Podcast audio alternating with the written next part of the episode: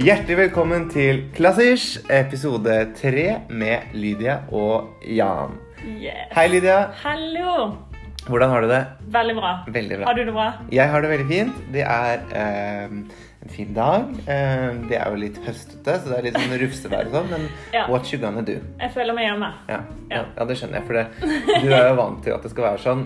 Vi er jo her på Østlandet, så syns jo vi det er hyggelig at det er litt lenger på en måte. Det er tross alt bare august, så jeg mener det kunne godt vært litt lenger sol. Ja ja, men altså Herregud, da. Ja. Det er jo litt eh, Det er jo løsna litt opp i skyene Ja. her. Men positivt for oss er at eh, når det er dårlig vær, ved mindre man er sånne strandløver som hører på podkast, så betyr det kanskje at flere hører på podkasten vår. Fordi de sitter inne i, eh, i- på sofaen og ja, tenker kanskje at det var lurt å lytte litt til podkast. Det kan dere gi som et tips til alle deres venner også, kjære lyttere. Ja, Gjerne. Det Gjerne blir vi veldig glad for. I dag så skal vi snakke om musikk i filmer. Mm. Var ikke det? Jo, det skal vi gjøre. Vi skal snakke om litt sånn musikk i filmer. Det vil si, vi, vi tenker at vi sparer, kall det filmmusikken, til en annen dag. Fordi det er vi også veldig opptatt av, og Ja. har mye tips der. Mm. Eh, men i dag skal vi snakke om på en måte hvordan eh, klassiske eh, stykker har enten inspirert filmmusikere Mm. eller inspirert eh, på en måte produsenter av ulike filmer til å bruke klassisk musikk i veldig moderne filmer også den dag i dag. da. Ja, Mm. det er riktig. Så jeg vet ikke om vi skal begynne med det. Eh, Skal vi bare kjøre i gang? Nå har jeg kjøpt en sound effect her nå. Ah, Nei. Vent, nå. OK, da kjører vi i gang. det var den nye uh, paden til Lydia. Vi har lært av andre podkaster at det er lurt å ha sånn pad med sånn lydeffekter. Så nå er Lydia i gang med det. Uh, det blir spennende å se hvordan det utvikler seg. Vent, det blir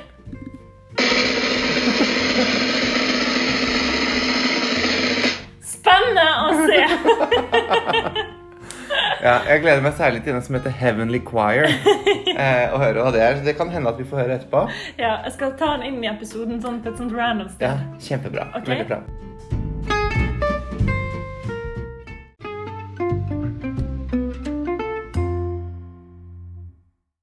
Nei, men da syns jeg vi går videre. Eh, vi kan begynne å snakke litt om dette med, med liksom musikk, og hvordan det brukes da i, innenfor filmverden. Og det er jo sånn, Lydia, at eh, de fleste, jeg tenker også våre, våre lyttere, har jo noen gang sett en film, enten på kino eller hjemme i stuen. Og så har man tenkt Oi, det var en innmari kul sang. Den har jeg hørt før et sted. Eller omvendt. Ja. Mm, og eh, noe som jeg er veldig opptatt av, er jo at eh, eh, jeg kan innimellom nesten gå glipp av handlingen i en film fordi jeg er så innmari opptatt av musikken bak. ja. Eh, og tenker at Eller da jeg var liten, så var det sånn Min drømme var sånn Tenk å kunne sitte og bestemme hvilke sanger som skal til hvilken på en måte scene i en film og sånn, da. Det Enig. synes er kjempekult. ja. Og eh, det får jo måte, mine venner får jo gjennomgå litt nå, fordi at veldig ofte så har jo jeg en sang som passer til en situasjon oh. som jeg befinner meg i sammen med mine venner. Um, og Kom med et eksempel. Nå ble jeg veldig nysgjerrig. Nei, det kan være hva som helst, men det er jo veldig sånn at um, For eksempel hvis man får noen gode nyheter, Ja. så liker jeg å spille um, litt av den veldig sånn Hendel er en veldig sånn komponist som skrev veldig mye munter musikk. Ja. Uh, han er jo kjent for at han liksom levde i England, uh, mens uh, hans liksom Og det er det man kaller barokkmusikk. sant? Nettopp. Handel. Under barokken. Men han bodde i England mens Bach, som levde på samme tid, eh, han bodde i Tyskland. Men England, hvor Händel var, han var ved hoffet til kongen der. Og han hadde på en måte mye mer eh, Hva skal man si han hadde et mye mer sånn eh, økonomisk rikt liv. Og var mye mer på sånn fest og sånn, fordi de, hadde, de var mer opptatt av det i England enn det de var, kall det, i Tyskland på den tiden. Ja. Så mens Bach, eh, stakkars, som jo var en ekstremt produktiv eh, komponist, og skrevet noe av det aller flotteste jeg vet om, Ja. eh, egentlig slet litt og hadde litt dårlig råd, så var jo Händel en som bare det sies, da. Var på premierefester og koste seg og liksom eh, spil, skrev musikk osv. Så så det er derfor du liker handel? Jeg liker handel også. Det passer godt ikke sant, når du da har eh, Si at det er en hyggelig eh, ting som skjer. da, Så kan jeg f.eks. finne på å spille eh, noe fra Messias, altså Hendels Messias. Rejoice! Ja, For eksempel det der. Eller sånn ehm, Det er en, eh, en som Ja, den skal vel egentlig du synge. Den som heter Oh Thou That Tell Us Good Tidings to Zion. Ja. Ja. Det liksom sånn, handler om sånn Nå er det gode nyheter som skjer, på en måte. Uten sammenligning for øvrig, da. Anyways, la oss komme tilbake til liksom dette med musikk som brukes innenfor film- og TV-industrien. Ja, for det som ofte skjer, er at eh, det er jo Folk kjenner jo mer klassisk musikk enn hva de tror. Det er litt sånn snikklassifisering Mm. Yes. ofte, i, Yes. spesielt i film- og TV-serieverden, på en måte. Ja. Og eh, det er ofte hvis det skjer noe ekstraordinært Mm. i en serie, for eksempel, eller noe morsomt, eller whatever. Hvis det legges på klassisk musikk, så blir det på en måte Mm. løftet opp Ja.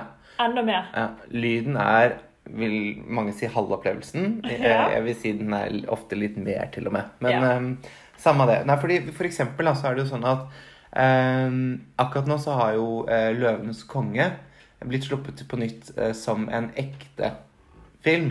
Ekte, Ja. nå gjorde jeg gåsehøyne eller sånn. ehm, det kan man ikke liksom forklare på en annen måte til enn å bare si det. Ehm, Ja. fordi at, eh, Som er blitt sluppet nå med da Kall det hvor de har animert opp alle dyrene og bruker kall det ekte naturbilder og sånn istedenfor den tegneserieversjonen vi har sett før. Ja. Og eh, musikken i 'Løvens konge' er jo egentlig kjempeflott. Mm. Eh, personlig så har jeg to sånne helt sånn musikkfavoritting i den filmen. Okay. Det ene er på The Circle of Life, den åpningssangen. Ja. Når den slutter, så kommer det sånn kjempe sånn basslyd som er sånn dum, liksom. Og det er så kult. Bare hør på den lyden. Ja. Um, og det andre er um, Det er vel Jeg lurer på om det er Hans Zimmer ja, som har laget uh, musikken sin tid. og den- Og det er den sangen som heter This Land, som også er med som er helt nydelig. Aha. Og den brukte de faktisk ikke i den nye filmen, så det var jeg bitte litt irritert over. Men det de brukte som er Det går ikke an. Det de brukte som er på en måte uh, fra gammelt av holdt jeg på å si. Ja, det, var paden igjen. Ja, det de brukte Nei. Men det de brukte som på en måte er veldig kult, eh, som jeg har alltid tenkt på med eh, 'Løvens konge', det er at i den scenen hvor eh, denne lille løven Simba Jeg regner med at alle som eh, hører på, har sett 'Løvens konge', så de skjønner alle disse navnene. Men Simba, eh, som da blir reddet av faren sin, eh, Mofasa, nede i denne kløften, eller hva man skal kalle det, hvor disse dyrene løper forbi ja. eh, Når eh, Mofasa dør, og Simba finner han, Ja. eh, så er musikken eh, på en måte mm, Den går veldig inn i en sånn eh, Hva skal man si En eh, veldig sånn melankolsk og litt sånn Blir det veldig trist? Det blir veldig trist. Nå, Fortsett. Fortsett, ja. Uff a meg. Men det er, det er en veldig trist scene. Og faktisk så er det sånn at uh, den uh, er jo en scene som veldig mange av mine venner har sånn traumatiske minner om. Ja. Fordi uh, Dette så vi da vi var små barn, og, og den scenen er på en måte Jeg gråter fortsatt når jeg ser den på, måte, på kino. Men, men i hvert fall da, så er det sånn at når, da Simba er der alene, og før han slemme Scar kommer, så spilles det da på en måte eh, eh, noe musikk som er komponert til tegneserieversjonen, men hvor du hører innslag av noe Mozart har skrevet. Okay. Og det kalles på, på en måte for sampling av musikk. At du sampler, bruker litt her og der. på en måte. Ja. Og veldig, det er veldig vanlig også i dagens popindustri. Men her kommer da f.eks. inn eh, Mozart sin Ave Verum Corpus, som et nydelig verk. Eh, som er et, et korverk, på en måte, hvor eh, andre delen av det verket kommer inn. Og det hører man veldig godt. Eh, men de synger jo ikke det man synger i det korverket eh, i Lønnskongen, men du hører veldig at det er på en måte Syns jeg i hvert fall er veldig inspirert av det. Også ja, men Da må kan- vi legge det ut på spillelisten vår, så folk kan forstå hva vi snakker om. sant? Absolutt. Ja. absolutt. Og Det er den ene. Og så tenkte jeg litt på at øhm, det er jo veldig mye andre ting også. Øh, vi kan jo f.eks. snakke litt om For noen år siden så kom jo da denne Twilight-filmen. Mm. Var du glad i den, eh, Lydia? Eh, nei. så jeg så vel én av Mm. de filmene. Men det var fordi jeg syns det blir litt kjedelig når det blir sånn en gutt blir om til en ulv. og sånn. Det Ja. interesserer ikke meg så veldig. da. Men eh, jeg vet i hvert fall at i den filmen som jeg så, Mm. så setter han eh, han der eh, vampyren sin Hva er han heter? Han der, som var så Robert sånn- eh, Pat, Waters eller noe. Han, skal, han er liksom i det huset sitt, så skal han spille noe fint på piano Ja. for hun der eh, Mm. som han er forelska i. Bella, er ikke det? Ja. Ja. Og da spiller han eh, Claire de Lune, Ah. som er et, stykke, et pianostykke av Debussy. Mm. Så bare så dere vet det, folkens, så fant han ikke på det sjøl. Nei. Nei. Så det er eh, Selv vampyrer eh, hører på klassisk musikk. Men så er det jo mange andre ting òg. For eksempel så eh, er det jo mange sanger som er veldig sånn effektfulle. For eksempel eh, Carl Orff har jo laget Carmina Burana. Ja. Um, og da er den startsatsen der, og Fortuna, ja. den er jo kjempedramatisk. Igjen, vi skal legge den ut. Den er liksom sånn Dum, å, fortuna du. Ja. Så det er veldig, veldig dramatisk. Det er ofte sånn slow motion krigsfilmer. Sånn, bare, bam, bam, bam. Og den brukes eh, Jeg har også sett den i noen sånne komiserier på sånn eh, type sånn TV3-serier. Ja. eh, hvor det liksom er sånn Hvis en blir rasende eller et eller annet sånt, og på den andre så bruker man den sangen. Så det er Mm. eh, Så da vet dere det. Den er fra Carmina Burana. Og den heter Å Fortuna. Ja. Så det er veldig mm, mye suspens der. Veldig. Hva mer er det vi har skrevet opp? Vi har snakket om eh, Eller Du har jo fra Nøtteknekkeren. Ja. Det er jo en ballett mm. som er skrevet av musikk med, av Tsjajkovskij. Mm. Russisk komponist. og der har du den der valsen som er sånn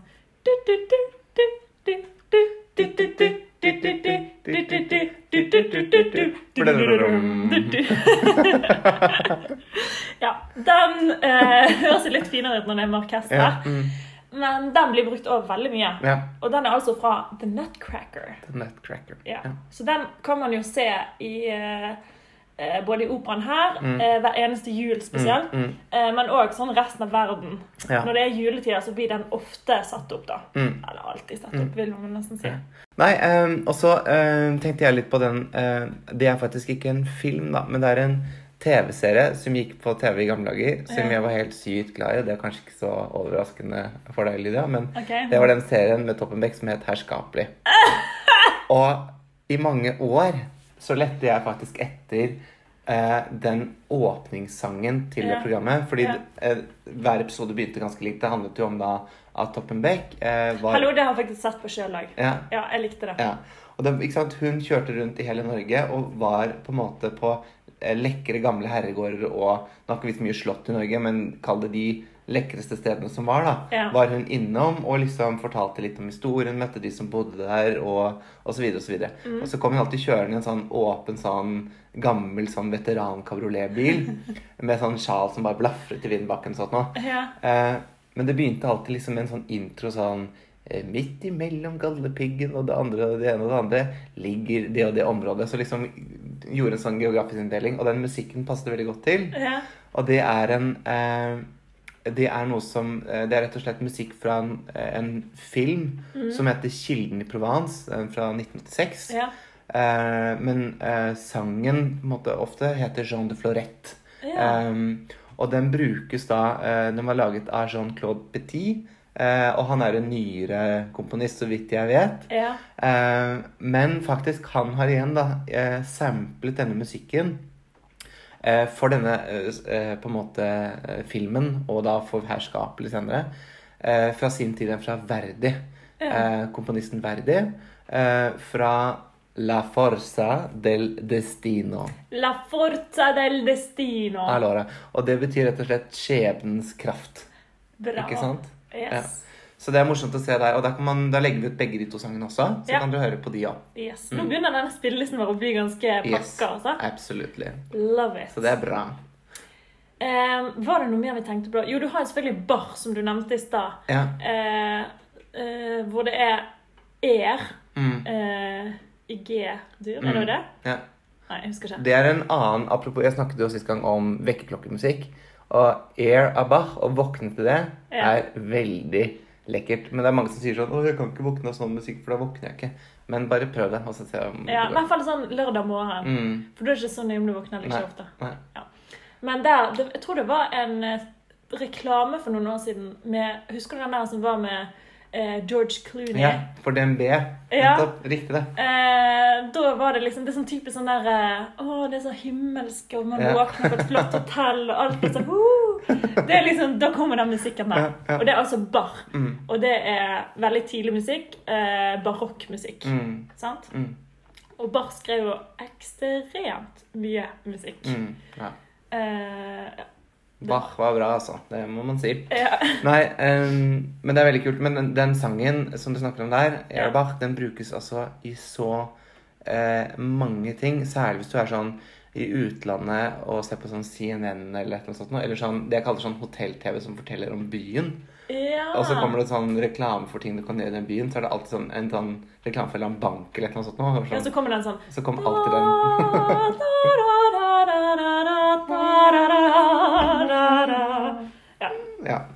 Så det er veldig flott. OK. Mm. Det siste jeg har lyst til å nevne, yeah. det er en film som alle kjenner som heter Pretty Woman.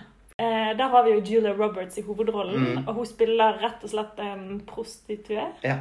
Eh, og etter hvert så blir hun litt forelska i han der eh, kunden sin, på en måte. Richard Gere som spiller en sånn rik eh, businessmann. Ja. Mm. Eh, og han, Richard Gere han tar jo hun med på operaen, Mm. og der hun ser på operaen og blir veldig sånn rørt av historien og sånn. Og det som kanskje ikke alle vet, er at den operaen som hun ser, er La Traviata. Mm. Eh, og den handler jo om akkurat samme som Pretty Woman. Oi. Pretty Woman-historien er Traviata-historien, på en måte. Så det er liksom dobbel betydning. da. Når hun Ja. sitter der og blir så rørt, så er det jo fordi hun ser seg sjøl kanskje Mm. litt. sant? Fordi eh, La Traviata, som er en opera skrevet av Verdi, Mm. eh, den eh, handler da om en sånn eh, selskapskvinne, da. Mm. Altså en eh, eh, Violetta, som er, rett og slett er prostituert. Mm. Eh, som da blir forelsket i Alfredo, Mm. eh, som egentlig er da en kunde. Mm. Er ikke det det? Jo. Jo.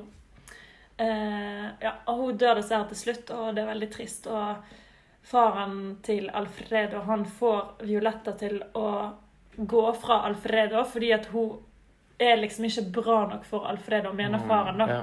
Så siden hun elsker han, så går hun ifra han, men så finner de tilbake til hverandre til slutt. Men det hjelper ikke fordi eh, Violetta hun er syk og har tuberkulose, og hun dør. Ja. Men de finner tilbake til hverandre rett før da.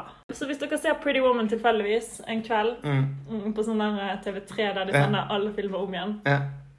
Så ser hun altså Traviata. Mm. Og for øvrig, hvis du er i en eller annen by og Traviata er satt opp, Mm. eh, så gå og se den operaen, for det er en vanvittig fin opera. Ja. Det er der den derre da,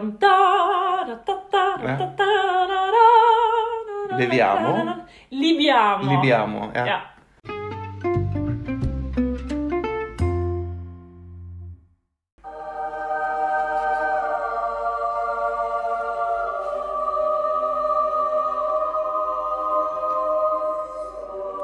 Det var Heavenly Choir fra DJ Lydia og hennes nye pad. Eh, takk for den veldig fine sangen, eh, Lydia. Eh, og nå har vi fått inn et nytt ønske Nei, jeg bare tuller. Eh, men Lydia, jeg tenkte litt på en ting. For i dag sitter vi hjemme hos deg og spiller inn dette. ja. Og én eh, ting vi da gjør, som er litt sånn backstage, det er jo at vi, eh, som kanskje noen har lagt merke til på vår Instagram-konto, Klassisk-podden, ja. så har vi jo sånn at vi legger ut litt, eh, litt sånn klipp og sånn når vi Ja. snakker, for å gjøre det litt gøy. ja. Og da har vi måte rigget oss til nå med en del bøker og sånn, og da ser jeg at i den bunken her med bøker så ligger det noen sånn helt sinnssyke eh, noter liksom på sånn mange milliarder sider, ser det ut som. Ja, for jeg eier jo ikke så veldig mange bøker. Nei, for dette er bare liksom partiturer. Så du har Lucia di Lam... Hva sier man? Lammemor? eller? Lammermor. Lammermor. Eh, og du har en stor Hendelbok med Hva er det for noe, da? Det er Giulio Cesare. Ah, den er fin. Ja. Og så har der er Rigolette. Ja. I det hele tatt. Ja. Så det, og dette er jo kjempestore verk, da, hvis du ser på den eh, Hendelen fra Giulio Cesare. Den er ikke så tjukk, da. Ja, men det er jo 300 sider, så jeg mener Og det er ingen bilder, selvfølgelig, i boken. Nei. Det er bare musikk, altså. Og det er jo faktisk ikke sånn at Det kunne til og med vært det jeg kaller for sånn eh, Når man ser på et notepartitur, Ja. og det er flere stemmer, Ja. så snakker jeg om hvor mange felt er det, litt sånn som på bilveien eller motorveien. ikke sant? Og her er det faktisk bare to felts i forhold til uh, hvor mange stemmer det er snakk om. Så det er ikke liksom tre kor oppå hverandre og sånt noe. Nei, så uh, i en note, så um, De feltene som du snakker om, nå, Mm. Hvis det er et partitur, så har du liksom eh, så kaller vi det system. Mm. Eh, system er da alle stemmene som skal synge samtidig. Ja. I, det er ett system. Ja. Og det systemet varer da én side, på en måte. sant? Ja. Og så går du på neste linje. Det er Mm. neste system. Mm. Eh, og da inneholder i denne noten systemet pianostemmen Mm. og sangstemmen. Mens i et partitur inneholder det eh, fløyte, fiolin, andre Ja, fiolin, eh, blårabratsj, Mm. cello, alle stemmene. sant? Så istedenfor å synge én linje på denne siden, så synger du faktisk eh, fire linjer per side. Ja. Så det gjør at disse sidene er fire ganger så lange som eh, Så da er vi oppe i, i 1200 sider, egentlig. og det er ganske mye tekst å lære seg, tenker jeg, da, i forhold til um, uh, Når man da skal sette seg inn i en opera, og så er det sånn Ah, det, Skal jeg si noe nå? Eh, hva skal jeg si? Har jeg glemt hva jeg skal si? Har dere egentlig sufflør i operaen? Eh, ikke i alle operahus har man sufflør, eh, og ikke på forestilling. Eh, det kommer an på. Ja. Men eh, vi er veldig glad i sufflørene våre. Ja. Fordi at eh, på Den norske operaballett så har vi i hvert fall sufflører. Mm, Eh, på alle prøver, og Mm. noen ganger på forestilling. Det Mm. kommer litt an på. mm, Eh, og en sufflør sitter da eh, i prøvesalen ved siden av dirigenten mm. eh, og notere litt sånn hvis man sier litt feil, eller Mm. uttaler det feil, eh, eller eh, hvis man blir helt blank, fordi man Mm. får jo regi hele tiden, og hvis Mm. man plutselig glemmer hva man skal si, så kan en sufflør si sånn eh, dit, Eller skjønner du? Yeah. Så kan du bare skyte inn hva du skal si. Yeah. Og så blir det sånn, åh, thank God. Yeah. Så eh, det er da sufflørens jobb. Men hva hvis det er midt under forestillingen, og så er det ingen hjelp å få? Hvis hun har ha gått, eller han har gått hjem, da? Eh, ofte er det jo ikke sufflør på forestillinger. Og da eh, Nei, men da er du fucked, da. Nei da. Men eh, Men er det da sånn at en av de andre som står på scenen, kan være sånn Jeg tror du skal synge noe om dette nå. Det er sånn det pleier, nok, det pleier ikke å skje at man Nei. glemmer teksten. mm, Eh, men altså Kollegaer hjelper alltid Ja. hvis liksom man plutselig Spesielt resitativer. Ja. Hvis det, man plutselig får sånn black Eller man plutselig ja. et sekund glemmer hvor Mm. man var, så er det godt å ha en kollega som bare, Skjønner du? ja. Men eh, jo, det er mye tekst å lære seg. ja. Og folk har jo flere forskjellige metoder på hvordan de skal Mm. lære det. da. Har du noen tips? Uh, ja, det jeg pleier å gjøre uh, Altså Vanligvis så øver jeg og øver jeg og øver jeg på en rolle. Mm. Uh, altså, og det kan man jo øve i flere år på en Mm. rolle. Så det pleier jo som oftest å komme litt automatisk. For min del, i hvert fall. At Holdt på å si plutselig kan jeg det. Ja. Eller sånn. Men man har gjort syng, sunget det så mange ganger med noten at plutselig kan man bare legge vekk noten, og så er det der, liksom. Mm. Eh, men hvis man f.eks. Eh, får en sånn hasteopptreden, eller man skal liksom eh, gjøre en konsert neste uke, eller man ikke har fått tid til å liksom lære teksten ordentlig på en sang, eller et eller annet Mm. sånt, eh, så pleier jeg å bruke noen triks, da. Ja. Eh, og det jeg har funnet ut, er at eh, for min del så lærer jeg fortere hvis jeg kan eh, se det, Mm. og skrive det, og si det. Mm. Sånn at hvis jeg eh, bare hører teksten Mm. på, på en måte en innspilling, f.eks., og skal prøve å huske det, så er det vanskeligere for meg enn hvis jeg da eh, tar pennen fatt Mm. og skriver det ned på et ark Oi, som en diktat? som en diktat. For da ser jeg teksten, Ja. og da gjør jeg selvfølgelig ikke det med alle de 400 sidene ah, samtidig. herregud. Da tar jeg kanskje én del for Ja. seg. sant? Mm. Da tar jeg kanskje ett vers for seg. Da. Ja. Så det tar jo litt tid, det der. Ja. Eh, men ehm, Og da skriver jeg det, og så skriver jeg det igjen, og skriver det igjen, og skriver det igjen. og skriver det igjen. Mhm. Så altså, inni, ska, inni, inni det lille skapet mitt her, Ja. der alle notene mine står, Mm. så ligger det en haug med ark hvor jeg har liksom rabla på et eller annet tekstgreier og skrevet det om igjen og om igjen. om igjen. Og da klarer jeg å huske, for da ser jeg det, da har jeg gjort det med hånda, liksom. Mm. Så da har jeg liksom, Og jeg har lest det, da har jeg liksom fått det inn. da. Kult. Så det er et tips. Ja. Ja, og det er ikke alltid at det er så lett å huske, spesielt hvis det er et språk man ikke forstår. For eksempel sånn som fransk var for meg før. Ja. Eh, det er derfor at jeg fant ut at det var lurt å Mm. lære det språket. ja. Men da blir du veldig god i sånn skriftlig fransk òg etter hvert, da. Ja. Du kan begynne å skrive franske kjærlighetsbrev. Veldig bra. Watch out. ja, men det er bra. Ah. Kult.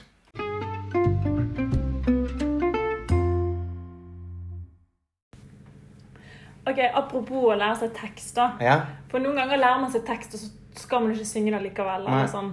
Spesielt konserter, så kan Mm. alt skje. Mm. Eh, og jeg var i Mosambik en gang Ja. for noen år siden og skulle gjøre en sånn utendørskonsert.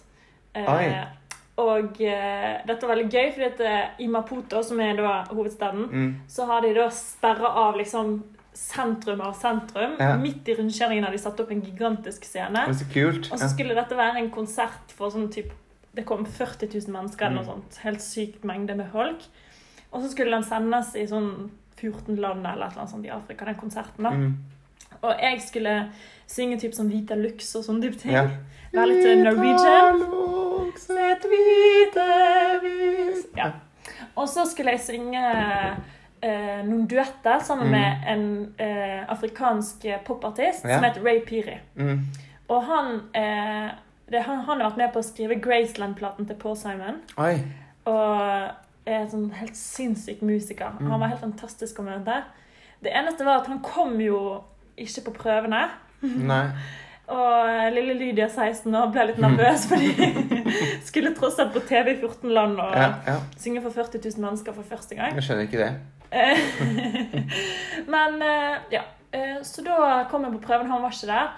Og når generalprøven var ferdig, og han fremdeles ikke hadde vært der, så sa de bare sånn Ja, ja, he'll be here. Ok, cool. Mm. Så neste morgen så var det da tid for konsert. Uh, og jeg hadde nå lært med denne duetten vi skulle gjøre, da, som han hadde skrevet. Um, det var på engelsk, da. Mm. Uh, så det var nå greit. Uh, og så satt jeg på frokosten, og så kom en eller annen sånn her security-vakt en, en i hans crew da, kom Mm. bort til meg på frokosten og bare sånn der eh, Repeat change the song. Å, oh, nice.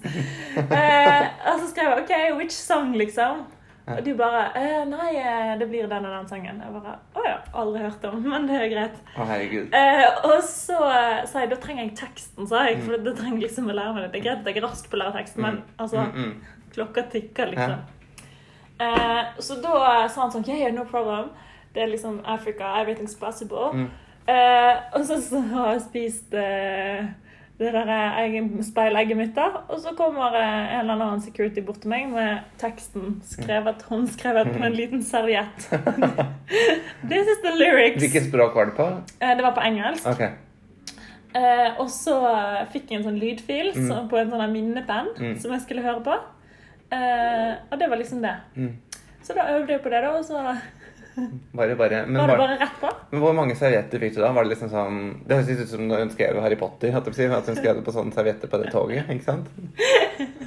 Jeg, jeg fikk en serviett som var liksom Sånn at jeg bretta den opp, og så var det litt andre verset der. Og Ja, så var det liksom ja. ja.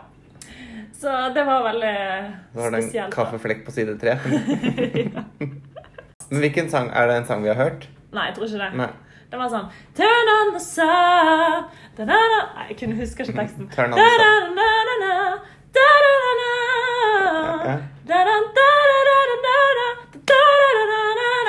Og så var det sånn masse greier. Og så kom det dansere inn og Kult. Ja. Har du klippet? Fins det et klipp fra sted? Sikkert. Er det på YouTube? Mm, jeg veit ikke. Jeg synes, hvis vi finner det, så skal vi nevne det en annen gang.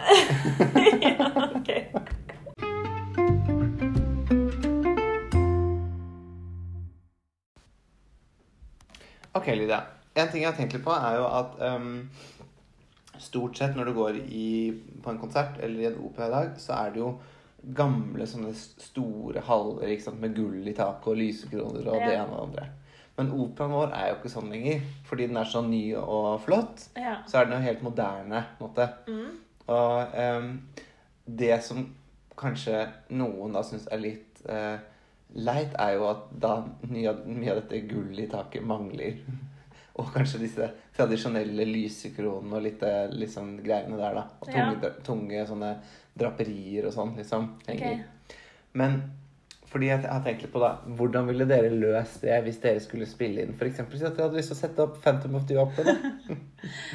Men greia er at Phantom of the Opera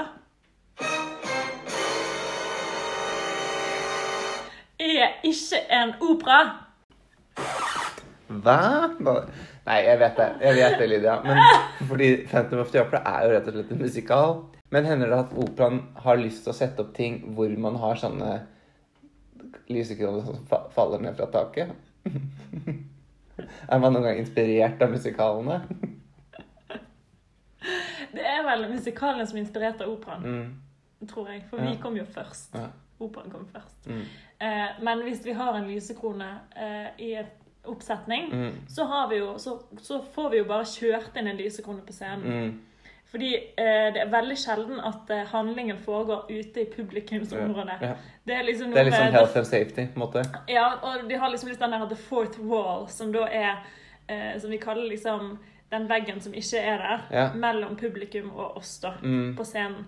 Så alt som skjer i operaen, det skjer på scenen, Mm. som oftest. Ja. Ja. Og la oss si at vi trenger en gigantisk lysekrone, da. Mm. Så eh, blir det kjøpt og bestilt Mm. og eh, rulla inn på scenen og hengt opp i taket på scenen. ja. Ja. Kult. Mm.